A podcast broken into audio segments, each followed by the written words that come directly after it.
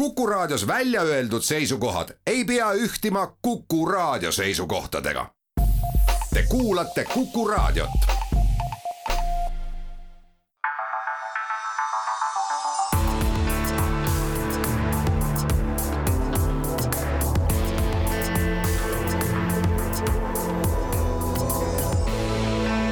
olukorrast ajakirjanduses aeg on lennanud, kevad on väljas, kahekümne üheksas mai Kuku raadio stuudios Vanamehed. viinavabrik on meie kõrval endiselt, Väino Koorberg, Rein Lang, me räägime ajakirjandusest. piisas meil eelmine saade ära lõpetada ja kui kohe jama hakkas peale, eks ju. et eh, tuli uudis selle kohta, et, et ajakirjandus sai, mida ta oli ära teeninud või kuidas, või kuidas sulle tundus? minule küll tundus, et kõigepealt oli ajakirjandus halb, sest ta võttis kogu obstruktsiooni eh, protsessi juures omaks äh, need opositsioonilised narratiivid.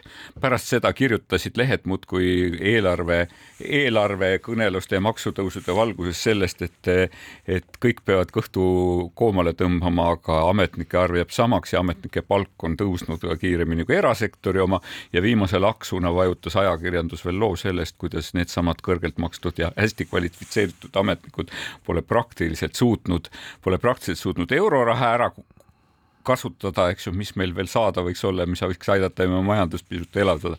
ja kohe tuligi uudis selle kohta, et hotellide käibemaks tõus lubatud on väiksem, aga kusagilt tuleb see raha võtta ja siia siis sellesse üldisesse potti peab panustama ka ajakirjandus ja nende möödunud aasta augustis viie protsendini langetatud käibemaks tuleb tõsta natukene kõrgemaks. mida me sellest siis arvame no,? arvaks kõigepealt seda, et periood esimesest maist kuni jaanipäevani on alati täis üllatusi, ootamatusi, rõõme ja muresid. vastupidi, inimesed see... näevad und ja, ja unedes ilmuvad neile imelised asjad, eks ju, ja küllap nad näevad, hakkavad und nägema ka siis sealsama Riigikogu nagu kuluaarides. nii nagu sa ütlesid, nii nagu sa ütlesid, et olime me saate ära lõpetanud ja kohe hakkas juhtuma.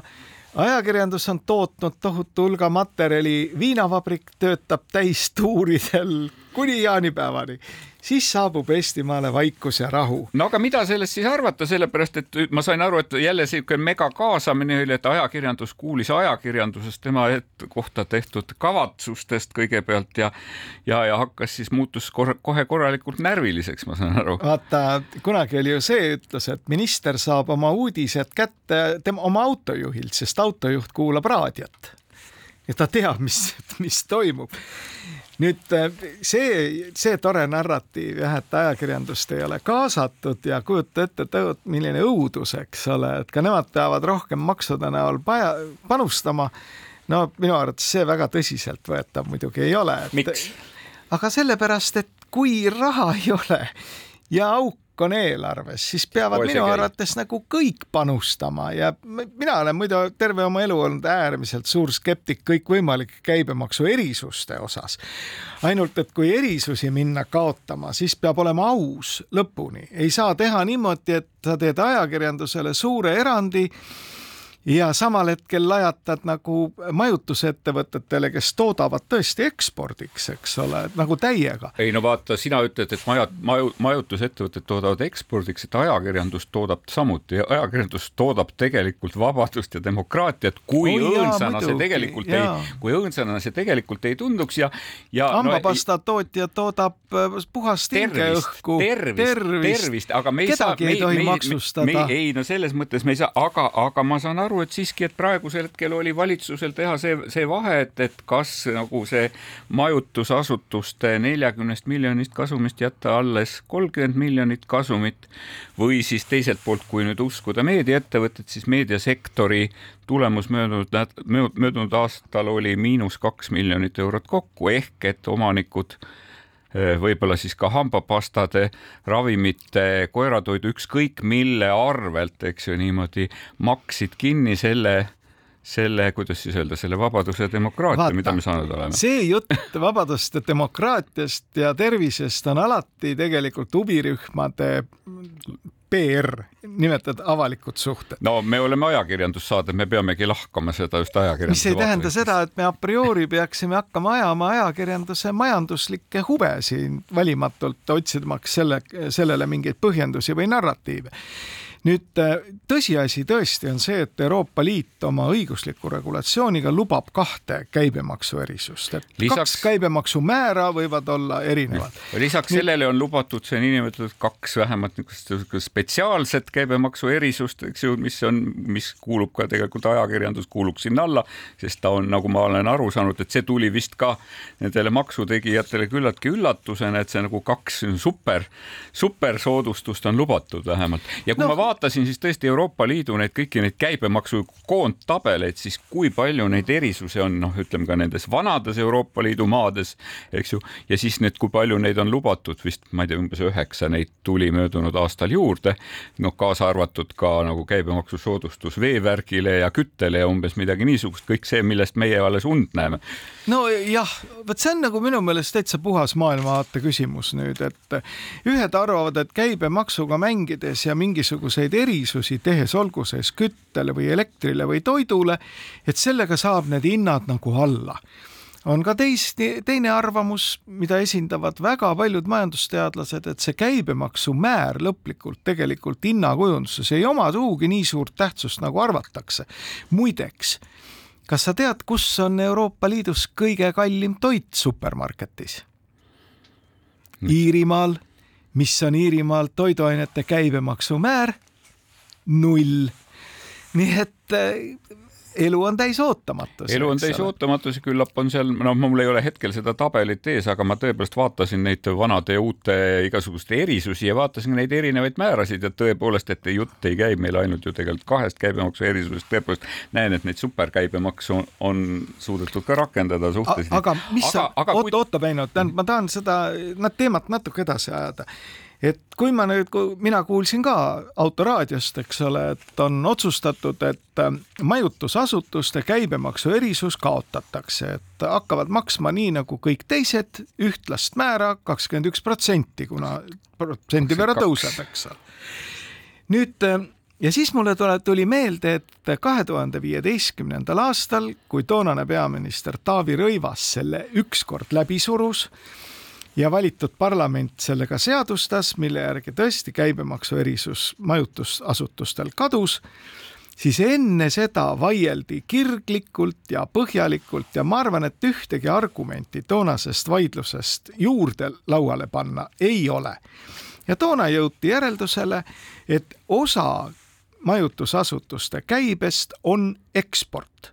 eksport on Eestis null käibemaksumääraga nüüd, kuna see vahe tegemine, mis on eksporttehing ja mis ei ole eksporttehing, on suhteliselt keeruline, siis enamus riike ongi löönud siin kiriku keset küla ja on öelnud, et vot sellele majandustegevusele kehtib vähendatud käibemaksumäär.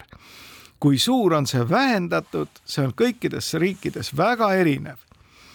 nüüd Eestis oli see jah, pikalt oli, oli üheksa protsenti nüüd ilmselt see tõuseb, kuigi mitte siis täismäärani, ühesõnaga tulles vastu selle majandusharu suurele lõugamisele, nimetame asju õigete nimedega ja muide põhjendatud lõugamisele. antud juhul täiesti põhjendatud ma tahangi öelda, et, see lõugamine on põhjendatud, sest nagu, mida me näeme tegelikult, et kust on meil siis tulnud see suurepärane miinus, eks ju, sellesse riigieelarvesse. ma ei ole majandusteadlane, et ma kasutan niisugust lihtsat, niisugust lihtsa mehe juttu selles osas, et ma kujutan ette, et me oleme tegelikult lubanud, lubanud kõikvõimalikke asju riigieelarves ja ennast sellega nagu nurka värvinud, eks ju, lootes arvates, et majandus koledasti kasvab. nüüd ma nagu mõtlen, et kas kõik need erinevad sektorid hakkavad koledasti kasvama, eks ju, siis praegu tundub, et see kasv on meil koroonade ja, ja sõja ja kõige muuga kinni jäänud, et majutussektoris, kas hakkab tulema see kole kasv, kui me tõstame makse. ma mõtlen ka seda, et kas ajakirjandus hakkab õitsema nüüd, kus ta tegelikult, kui praeguse miinus kahe miljoni juurest jõuab ta miinus kuue või miinus, miinus viie või kuue miljoni juurde, mida omanikud peavad mingisugusest muust tulust kinni maksma. Jumal tänatud, kui neil on need tulud olemas, eks ju. kuidas see mõjutab väikeseid ajakirjandusi, milline võiks olla, no tahaks mõelda tõesti nagu selle kuulsa film, äh, jõulufilmi peale It's a wonderful life, eks ju, tähendab, et äh, elu on imeline, et, et milline oleks maailm ilma sinuta ehk milline oleks maailm ilma ajakirjanduseta. me kohaliku oh, ajakirjanduse jah. osas me seda ju näeme, me näeme, me oleme näinud seda, et esimesed väikesed ajalehed on kinni näinud, me näeme seda, et, et väljaanded vähendavad tegelikult ju ilmumiskordade arvu, sest paber on kalliks läinud, kojukanne on kalliks läinud, eks ju, palgad on tõusnud, eks ju, ja nii edasi ja nii edasi. praegu tuli just uudis. see on jällegi see hüpoteetiline arvamus, et käibemaksumäär mõjutab seda tarbimist enneolematul määral ja ka lõpp-hinda enneolematul määral. see ei pruugi sugugi nii olla. näiteks Soomes vaieldi natuke aega tagasi väga kirglikult, kas vähendada käibemaksumäära elektril, kui elektrihinnad lakke lendasid ja väga arvestatavad ülikooli professor ütles, et ärge jumala eest seda tehke, eks ole. et sellel on ainult turumoonutuslik äh, tulemus ja kõige rohkem võidavad tootjad. no ei tehtud. nüüd äh, see, see kisa muidugi, see on alati olnud, et see, keda tahetakse maksustada, see üritab siis kõikide võimalike meetoditega oma tõde kuulutada, et kõik läheb kohe väga halvasti, kui neile natuke maksu juurde pannakse. mina mäletan seda nagu eilset päeva, kui kaotati ära käibemaksu erisus kontserdi ja teatripiletitelt ja siis ennustati, et A teatrid pakivad ennast kokku, B ei toimu enam kontserte ja suveetenduste asemel on ainult laadad. suveetenduste kohta ma seda no, ei mäleta, ma mäletan seda olukord küll, hoopis teistsugune on, eks ole. me ju tegelikult näeme, ega me nüüd kontserttegevuses milliseid megasuuri kontserte sa siis nagu näed nagu lainena tulemas Eestis, eks ju, ja, ja, ja. no staadionikontserdite aeg on terves maailmas läinud läbi, kusjuures Eestis on kõikvõimalikke suuri kontserte võrreldes nüüd ütleme, ma arvan, isegi Saksamaaga oluliselt rohkem. aga muideks, sa oled maha maganud äh, saatepausi. ma ei ole, ma ootasin, millal sa vait jääd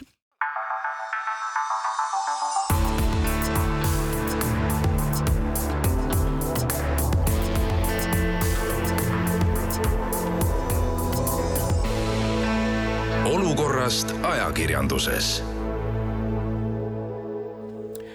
vanamehed viinavabriku kõrvalt on eelmise saate osa lõpus kuulanud fraasi pärast vahepeal ära kakelnud, räägime ajakirjanduse käibemaksustamisest natukene edasi. mina rääkisin vahepeal Reinuga murelikult eh, umbes sajast töökohast, mida see kolm kuni neli miljonit meediasektorist Eh, kokku kogutavat, täiendava käibemaksu kokku kogutavat raha Toomas Tiiveli sõnul võiks tähendada ha, ha, ja Rein hakkas suure häälega naerma täpselt sellise häälega.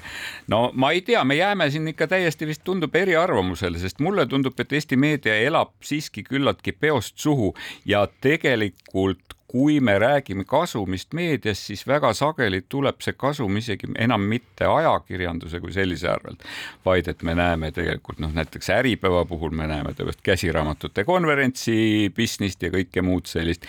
Ekspress Grupis tõepoolest kõikvõimalikud muud tegevused ja ütleme, Postimees Grupis me võime rahul olla, et on, et on omanikul nagu väga palju erinevaid muid ärisid, et tal nagu rahapuudust ei võiks tekkida nii-öelda. et no, kas mine... see annab põhjust meil rahul olla? no praegu? mina nüüd ei tea peale peale energeetikasektorit äh, ja isegi seal nüüd juba olu, pea, on olukord muutunud aga ma ei tea ühtegi sektorit, kes võiks öelda, et nad suplevad rahas, eks ole. No, raha on alati puudu. aga kuidas, aga kuidas see kõik meil võiks nagu aidata siis nagu majanduse elavdamisel kaasa või sellele, et me saaks sellest rahapuudusest välja, sest et, et ühtepidi mina pean ütlema, mind natukene solvas see möödunud nädalal kogu selle debati jooksul kõlanud laused, ühtepidi, ühtepidi arvamus Riigikogu rahanduskomisjonist, ühtepidi, et, et ajakirjandus on äri nagu kõik ja ka nemad peaksid panustama, mulle tundub, et Eesti meediasektor panustab täitsa korralikult tegelikult ka maksurahaga Eesti, Eesti eelarvesse, eks ju. ja teine oli siis see, et, et me kõik saame aru, et eks ju, et käib sõda, me peame tegema kaitsekulutusi ja meedia võiks ka sinna panustada, ka sellist arvamust kuulsin. ja kui keegi nagu ütleb, et Eesti meedia ei ole Eesti nagu kaitsekulutustesse panustanud, siis võib-olla tõesti, et me, et me ei ole aja e,, ütleme niimoodi, ajakirjandusettevõtted ei ole Haimarseid ostnud, eks ju niimoodi. aga küllap ma arvan, et seesama niisuguse informatsiooni, usaldusväärse informatsioonikeskkonna loomine, see, et inimesed, eks ju, ei ole valeinfosfääris, et see on minu meelest väga suur väärtus, millele on keeruline hinnata lipikud külge panna. vaata, hea kolleeg, ega siis äh, maksu tõstmine, puudutagu see keda iganes, ei ole kunagi väga tore, eks ole. ja iseenesest maksude tõstmisele on olemas ju ka alternatiiv tõmmata kulusid kokku. see on tõepoolest üks alternatiiv. kujuta nüüd ette seda, et me ütleme, et ei, me nüüd loobume nendest maksutõusudest.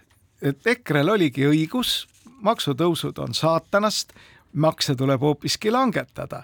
no EKRE, EKRE tuleb... konkreetses küsimuses ma saan, sain küll aru, et, et ajakirjanduse käibemaksu tõstmises on EKRE väga üksmeelselt valitsuskoalitsiooniga samal meelel. ütleme üsna hea irooniline rohkemgi. nali aga nüüd, kui hakkame rääkima, et aga tõmbame kulutusi kokku, kas sa arvad, et see kisa oleks siis nagu väiksem?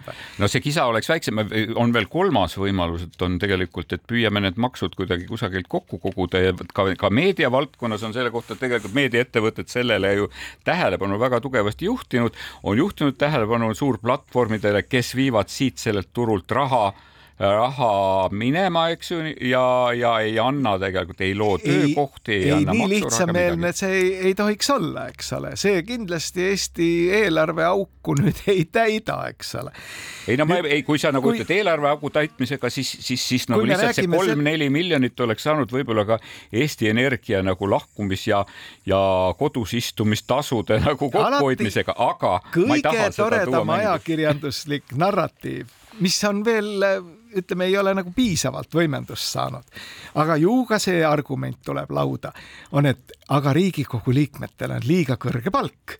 võtame sealt ja ennäe kohe must auk, eks no, ole. seda ei ole praegu veel toodud, aga ma päris saate alguses ütlesin, et tegelikult ajakirjandus enne seda Hiobi sõnumit küll teatas seda, et, et avalikus sektoris, eks ju, kus töötavad ametnikud ja lisaks ametnikele kolm korda sama palju rohkem lepingulisi töötajaid, eks ju, et see palgatase on nagu väga kiiresti nagu galopeerinud. tore on, kujutame nüüd ette, et maksutõusudest loobutakse ja öeldakse, et võtame selle osa, mis on mõeldud maksutõusust juurde saada võtame ametnike palkadest ja vaatame siis, missugused juhtkirjad hakkavad ajakirjanduses ilmuma.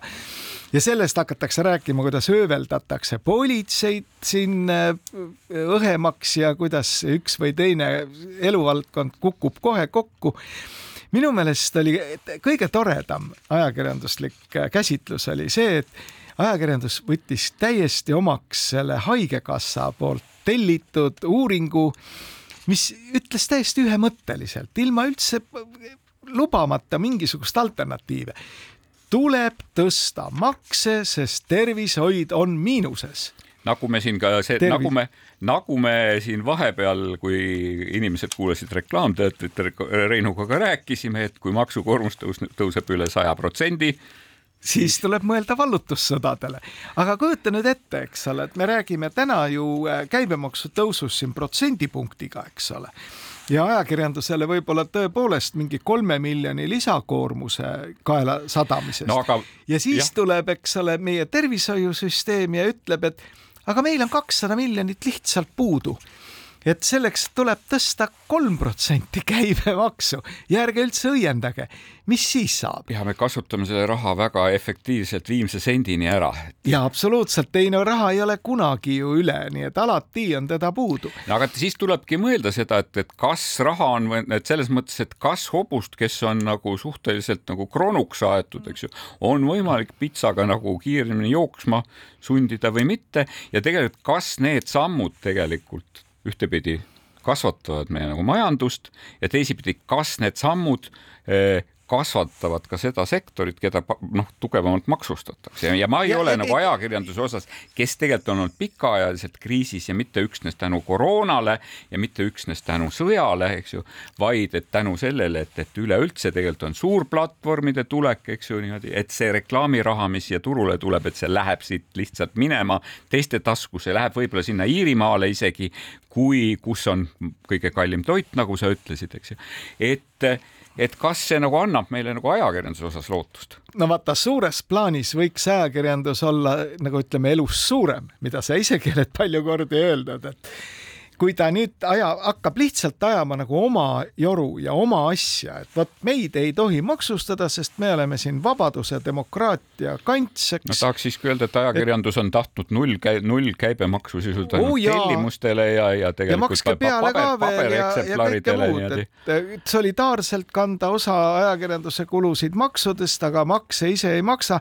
see on ju tegelikult oma sektori asjaajamine ja demokraatias täiesti lubatud asi, et noh, et ma tulen lagedale mingite selgitustega, mingisuguste positsioonidega ja üritan kujundada siis poliitikat äh, läbi selle. selles ei ole mitte midagi halba aga kui seda teeb ajakirjandus nagu mõõdutundetult, siis ta kaotab oma usaldusväärsuse, sest ajakirjanduse asi oleks tegelikult vaadata ka tervikpilti. ja minu meelest on praegu see tervikpilti hoomamine nagu paigast ära. et jah, maksutõus on paha ja vastu tulles oma tarbijate soovidele ja maailmakujutlusele tümitame valitsust nende ettepanekute eest makse tõsta. nüüd, mis on siis alternatiiv? hoiame kulusid kokku, kuskohast? või teine variant on, et me jätame üldse mingisugused asjad riigi tasandil tegemata, eks ole, ütleme, et see on vabade inimeste omavaheline tehingute küsimus, eks ole, saate hakkama, saate. leiame sektorid, mida saaks paremini maksustada, kust raha liigub välja ja siis oli ka, et võtame kasutusele sellesama euroraha, millest ajakirjandus just siin möödunud no, nädalal. ja ega see euroraha nüüd selles mõttes ei päästa, eks ole, et lõppastmes ta loob mingisugust väärtusi, aga kui need väärtused seisnevad mingites hoonetes, mida pärast tuleb kütma hakata ja selle kütmise jaoks raha ei ole, see on ikka jällegi pahasti, eks no, ole. no tundub siis, et, et võiks selle raha nagu lihtsalt maha kanda, et pole meile seda seda tarvis või? no teatud asju, mis me oleme teinud, võib-olla tõesti poleks vaja ja õppida tuleks ka nendest riikidest. siin peaks nagu kus... selle raha kasutusel natukene paindlikum ütleme nii, et ega eh, Porto ja Lissaboni vahel on endiselt kaks kiirteed, mõlemad ehitatud Euroopa Liidu rahade eest, eks ole, et no niisuguseid asju võib-olla pole väga mõtet teha.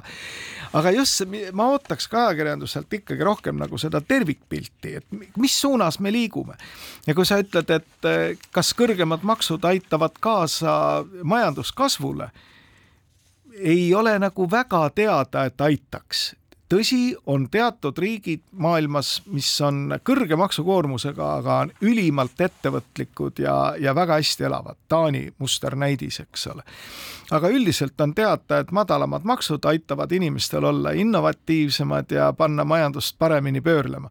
mis ei tähenda taas jällegi seda, et see oleks ühiskonna tervise seisukohast hea. et sealt on omad kihistumise probleemid ja nii edasi ja nii edasi. vaat sellist diskussiooni, sellest mina nagu tunnen väga suurt puudust.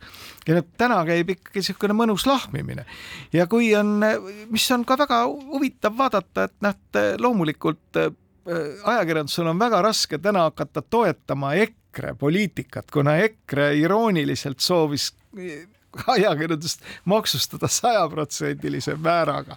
nii et, et päris seal seda allianssi tõenäoliselt ei teki aga no ütleme, et tõest ja, ja sellist tasakaalukast lähenemisest on ikkagi asi seni olnud üsna kaugel. me nüüd teeme väikese pausi ja kakleme Reinuga sellel ajal edasi.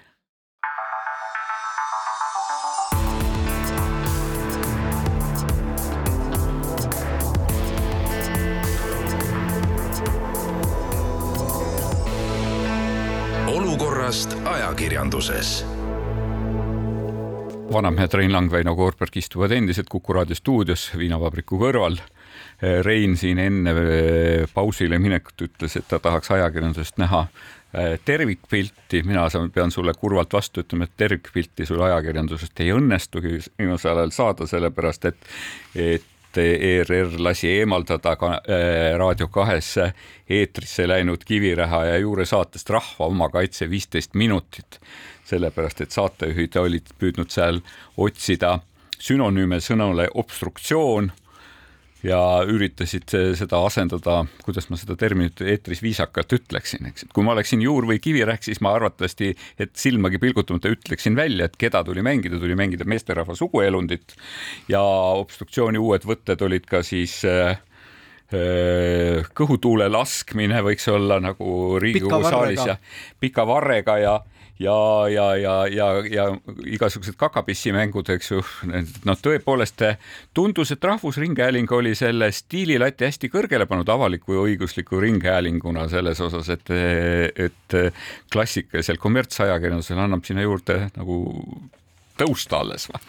nojah, aga katsu ennast seada natukene nüüd avalik-õigusliku ringhäälingu toimetuse saabastesse. Et mis sa, mis sa teeksid, sa oled peatoimetaja olnud, sul on äh, salvestatud saade, kus kaks tippintellektuaali lõbutsevad kuninglikult, aga ütleme mittetsensuurses vormis. Mis ma, sa teed? ma ei, ma ei teagi selles mõttes, et, et äh, oleme olnud selles olukorras, ma mäletan, Rein, et me tahtsime sinuga me ühe saate lõpus mängida ühte Genka lugu, kus oli lihtsalt üks üks sõna, mida me isegi, ma ei tea, mis ei olnud isegi väga ropp, aga tundus, et see võiks kedagi solvata. ja, ja küll me katsus, katsusime, et kuidas see kõlaks, kui sinna piiks peale panna, ei, ei kõlanud väga hästi ja et ei õnnestunud ka kuidagi seda ei välja miksida ega välja lõigata seal, eks ju. ja otsustasin, et tuleb kahjuks ikkagi teine lugu lasta. et no. siin oli nüüd nagu vist saate tegijate ja vastutava toimetaja vahelise usalduse küsimus ühtepidi ja teisipidi siis ka saatejuhtide teatav nagu noh, ma ei tea, eetrivastutus või kuidas? no ma ei tea jaa, vaata kommertskanalite puhul on ju asi selge, et eks ole, et kui nad kasutavad mingisugust teatud keelt või keelendeid, siis nad peavad arvestama nende auditooriumid käitumisega, nad kas hääletavad sellega, et nad keeravad nuppu, eks ole, mille tulemusena müüdud reklaam ei jõua lubatud hulgani, majanduslikult asi paha või on vastupidi ega siis Eestis on ka neid meediakanaleid olemas, kelle, kes töötavadki inimestele, kes reeglina lugeda ei oska, eks ole, kellele väga meeldib selline ropplaulude ja, ja ropendamise kasutamine. nüüd Rahvusringhääling, tont, on hoopis keerulisemas olukorras ju. tema üle teostatakse mingisugust ühiskondlikku järelevalvet lugege seadust, näete seal, eks ole. ei noh, nõukogu kohta on siin kasutatud igasuguseid väljendeid viimasel ajal.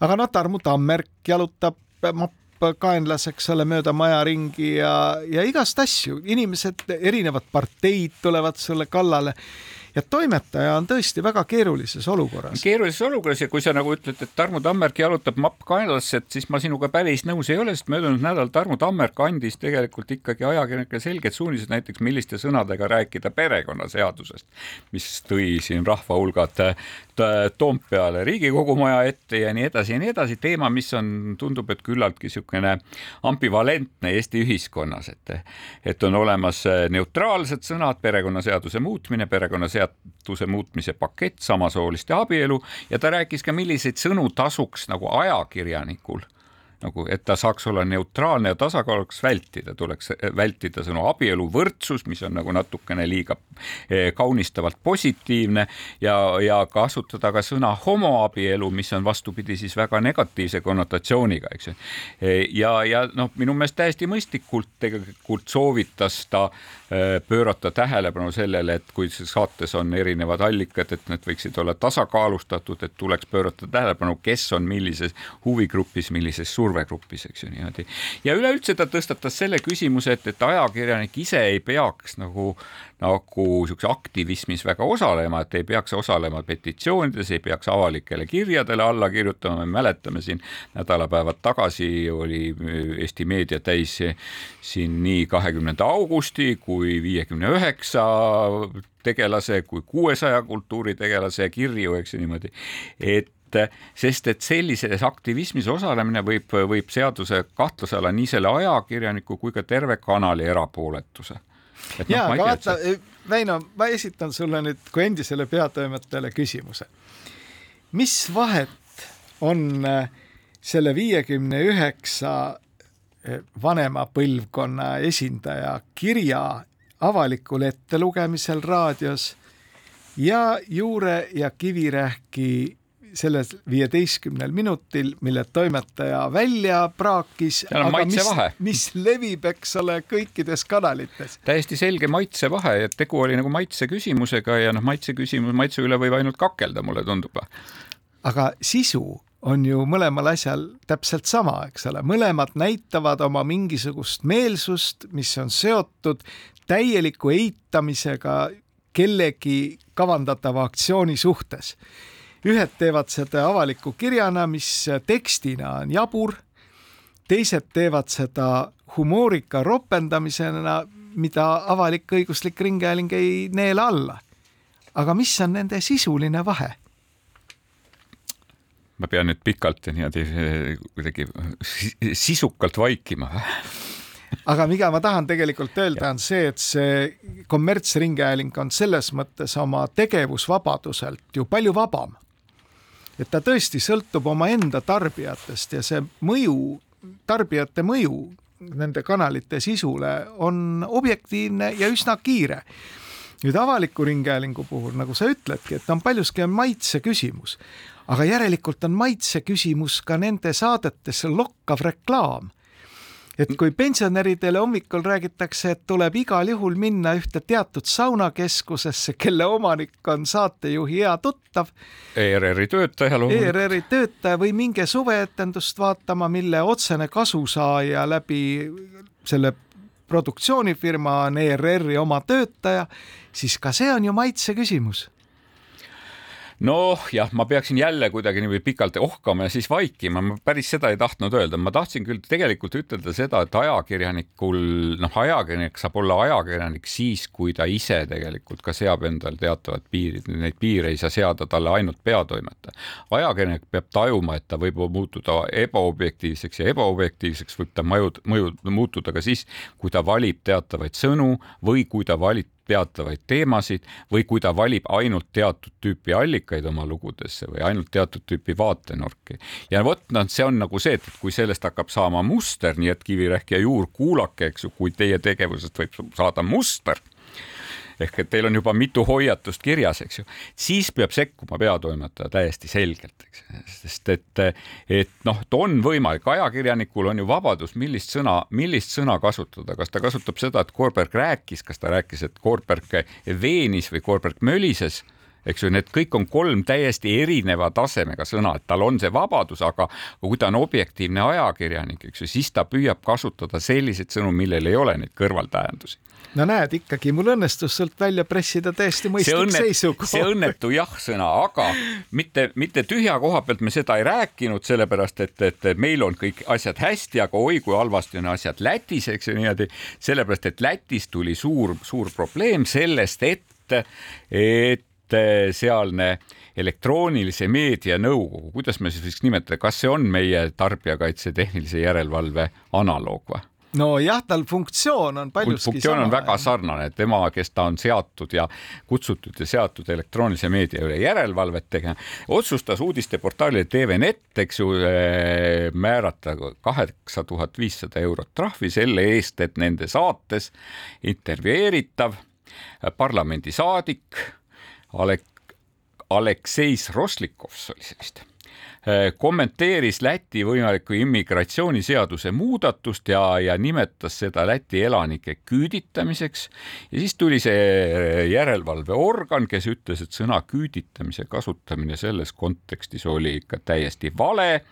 et seda tohib kasutada ainult neljakümne esimese ja neljakümne üheksandal aastal Lätis toimunud sündmuste kohta, muudes, muudes juhtudel seda sõna kasutada ei tohi ja et ajakirjanik, eks ju, ei toppinud äh, rahva rahvasaadiku suud kinni ja võib-olla ka ise nagu võttis selle sõna üle, et, et selle eest, selle eest tuleb kanalit trahvida.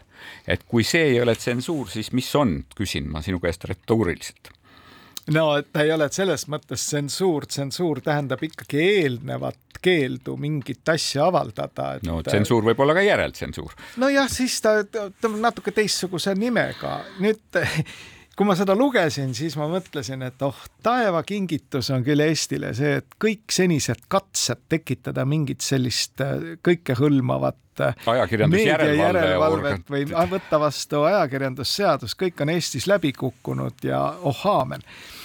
ja sellest on räägitud ka ju aastaid, et äh, see Ringhäälingu nõukogu, mis täna ju peaks teoreetiliselt ainult valitsema seda Rahvusringhäälingut, et selle funktsioonid peaksid olema palju laiemad ja, ja ta peaks teostama järelevalvet kogu elektroonilise meedia osas. no ja tegelikult räägitakse seoses, seoses Euroopa Liidu meediadirektiiviga räägitakse ka seda, et noh, tuleks luua tegelikult meedia huvide kaitseks ja esindamiseks, panen sinna kolmed jutumärgid ümber, et kui äkki juhul, kui raadiokuulaja minu irooniast aru ei saa, et tuleks nagu luua üks selline ajakirjanduse kaitseorganisatsioon, eks ju, millel oleks oma nagu esindus igas riigis ja oh kui toredust on tegelikult räägitud, et seesama Tarbijakaitse Tehnilise Järelevalve Amet, eks ju, võiks Eestist nagu teostada Eesti meedia üle järelevalvet. ma lihtsalt ootan seda, et millisel hetkel saame me siis sõna küüditamise õige tähenduse teada sellelt organilt.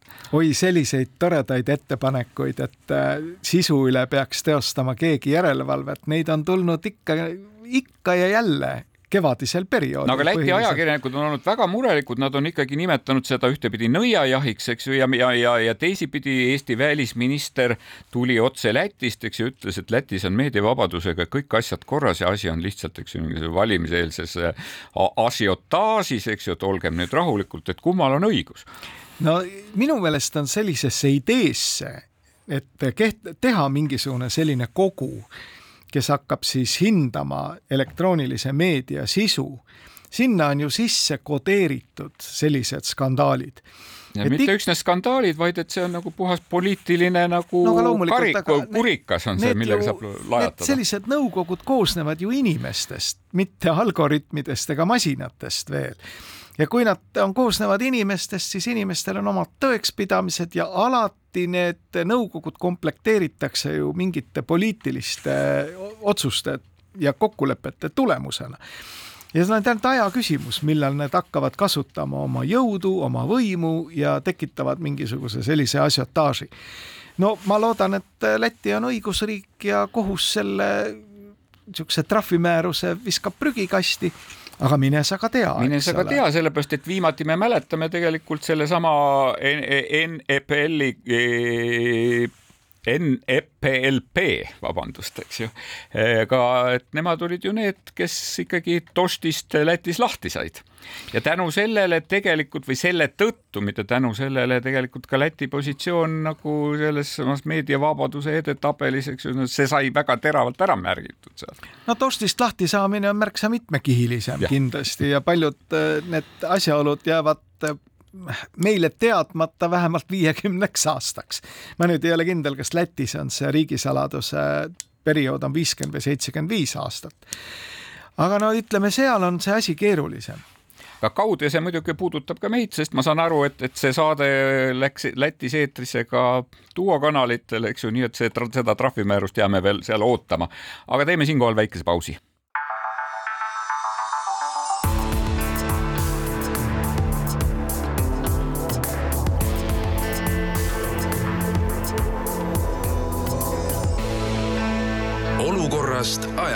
ajakirjanduses.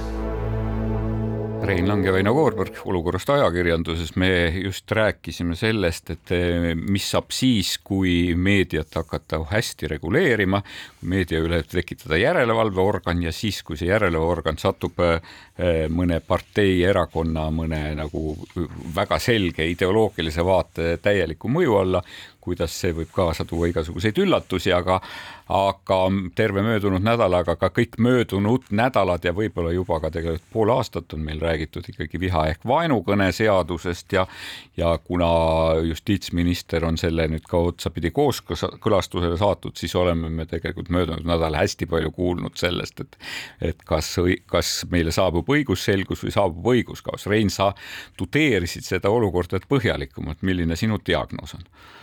no ma tudeerisin põhjalikult jah, ja pean tunnistama, et ega ma nüüd väga aru ei saa, millega. mida me ravime? mida, mida nüüd äh, lugupeetud äh, akadeemiline seltskond Justiitsministeeriumist ette paneb. ja mulle jääb küll mulje, et tegemist on kas äh, rumaluse jäärapäisusega või siis eesmärgiga kogu protsess nüüd uputada, et ja teades seda, et Justiitsministeeriumi karistusõiguse osakonnas töötavad arukad inimesed, siis ma pigem kaldun arvama, et tahetakse seda viimast, et protsessi uputada. No siin on olnud mitmeid väga tugevaid avalikke sõja, sõnavõtte, riigi peaprokurör on öelnud, et, et see vaenukõne eelnõu võiks õiguskorda segadust juurde tekitada, kuigi ta peaks tooma selgust ja ta on väga kõhevil selles osas. no raadiokuulajale ilmselt väga suur saladus ei ole see minu suhe tänasesse prokuratuuri Eestis, see on pigem olnud negatiivne, aga seekord ma pean ütlema, et Andres Parmase allkirja kandev kiri Justiitsministeeriumile, seal on valdavas enamuses palju õiget. täpsusta natukene, millest jutt käib, et raadiokuulaja aru saaks. see eelnõu, mis on nüüd pandud siis nii-öelda kooskõlastusringile Justiitsministeeriumi poolt, see on nii segane ja loob mingisuguseid uusi kategooriaid, et äh, mina mitte mingil juhul parlamendisaadikuna selle poolt ei saaks hääletada. ja ma ütlen ka miks, sellepärast et ta läheb oluliselt kaugemale kui see võitlus diskrimineerimisega klassikalises tähenduses. Eesti karistusseadustik täna karistab igasugust vaenu õhutamist, kui see on suunatud isiku vastu või isikute grupi vastu, kas siis soolisel põhju, põhjusel, rahvuslikul põhjusel või, või mis iganes. nüüd see karistuse künnis on lihtsalt äh, nagu see piir on väärtegu siis või? on väga kaheldav. ehk äraseletatult Eestis saab väärteo korras trahvida näiteks mingit lõugamist kuskil, mis nõuab äh, teatud rahvuse ahju ajamist. juhul, kui siis see, kes äh, läheb trahvi tegema, on kindel, et sellega kaasneb mingisugune oht. ja saad trahvi teha, aga kriminaalmenetlus järgneb alles siis, kui on juba keegi ahjus jah, ja, ja, ja nüüd on... meil on nagu siis plaan, et tegelikult, et kui see, et see, et kriminaalasi tuleks siis, kui on Vat... õhus see... kerge ärevus, et ahi on kusagil olemas. see on nüüd see, vaat siia ongi see koer maetud, eks ole. ja siin nagu vaieldakse, ühtepidi vaieldakse selle avaliku korra mõiste üle, sest Andres Parmas on ütelnud, et, et seni, kuni nagu seda avaliku korra mõistet nagu sisustatakse kuidagi ebamääraselt või sisustatakse kuidagi teistmoodi, kui senine nagu õiguspraktika on, on ette näinud. no mis Umbes..., mis kõige koomilisem, et seda sisustavad erinevad paragrahvid erineval moel ja noh, see tekitab igal juhul mingisuguse segaduse. no selle peale minu meelest oli, kas see oli äh, justiitsministeeriumi asekantsler, kes ütles, et, et ei ole hullu midagi, et küll me kohtus asjad selgeks vaidleme, aga kas sina tahaksid olla see esimene katsealune, kelle peal neid asju kokku selgeks vaielda, sest ma saan aru, et probleem on selles, et, et seni, kuni me ei tea, mida selle noh, millist tegevust konkreetselt selle vaenukõne seadusega, eks ju, kuidagi nagu karistama hakatakse, et inimesel on väga keeruline oma käitumist sättida sättida. minul kodanikuna on siiamaani segadus, mida ma tohin ja mida ma ei tohi. esitasin tänagi küsimuse, et kas seesama loosung vikerkaarelipud põlevad, homoseksuaalid surevad, maa ja lapsed jäävad meitele, mida me nägime eh, seal Lossi platsil.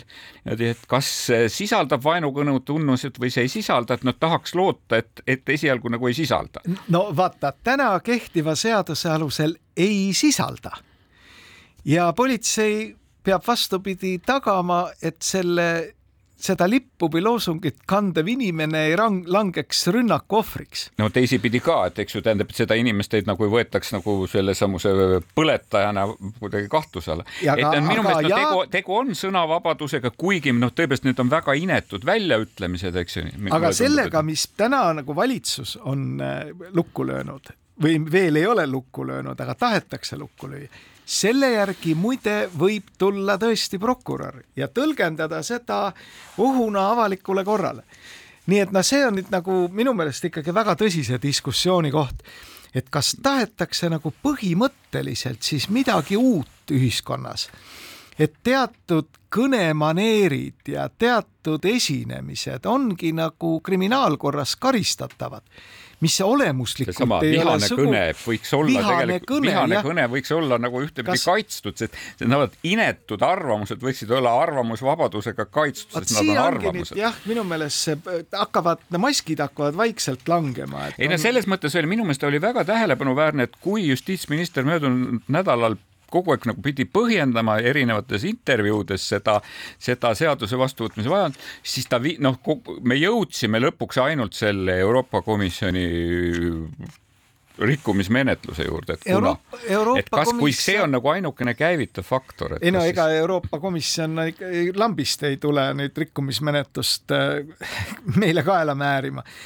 et see, et et äh, meie tänane kehtiv seadus on Euroopa Liidu raamotsusega vastuolus, sellest on räägitud ka kümneid kordi ja muide, lõpuks on seda nüüd möönnud ka prokuratuur. no selle aga... ja selle üle on muidugi ka õigusteadlased ju jätkuvalt vaidlevad, et milline on Euroopa Liidu pädevus selles osas ja kas ikkagi rahvusriigil võiks olla nagu pädevus omaenda karist-, karistusõiguse kujundamisel. ei no jaa, aga see on selles mõttes, see haakub selle teemaga, sellepärast et, et kui meie ütleme, et meie traditsioonid on sellised, meie taust on selline, et siis miks me ei võiks Vaata, käituda nii, nagu me tahame. siin on nagu see lugu, et kas Eestis on vaenu õhutamine keelatud ja karistatav, nii nagu ka Eesti põhiseadus ütleb, või Eestis on vihane kõne karistatav, seda põhiseadus ei ütle kas me tahame tõesti nüüd, et lisaks sellele vaenu õhutamisele, mis on nagu diskrimineeriv teatud inimeste või inimeste grupi osas,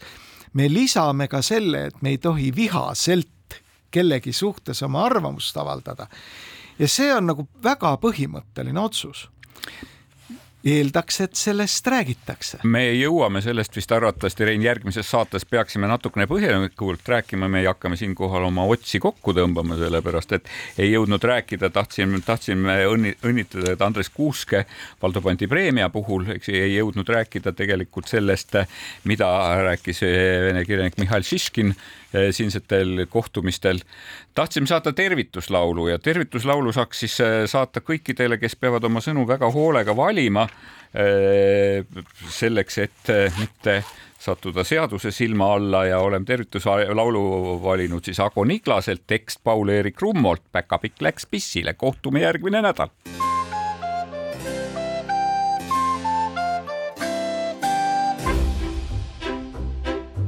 päkapikk läks pissile, ütles oma issile, mul on väike tillike nagu pajupillike.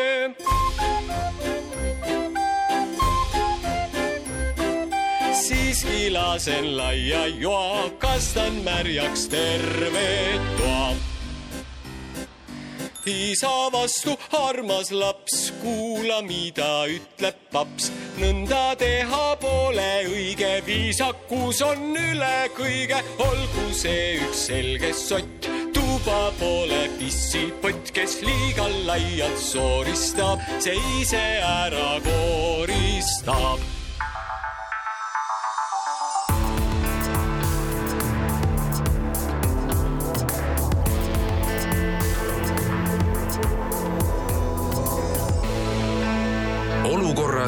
ajakirjanduses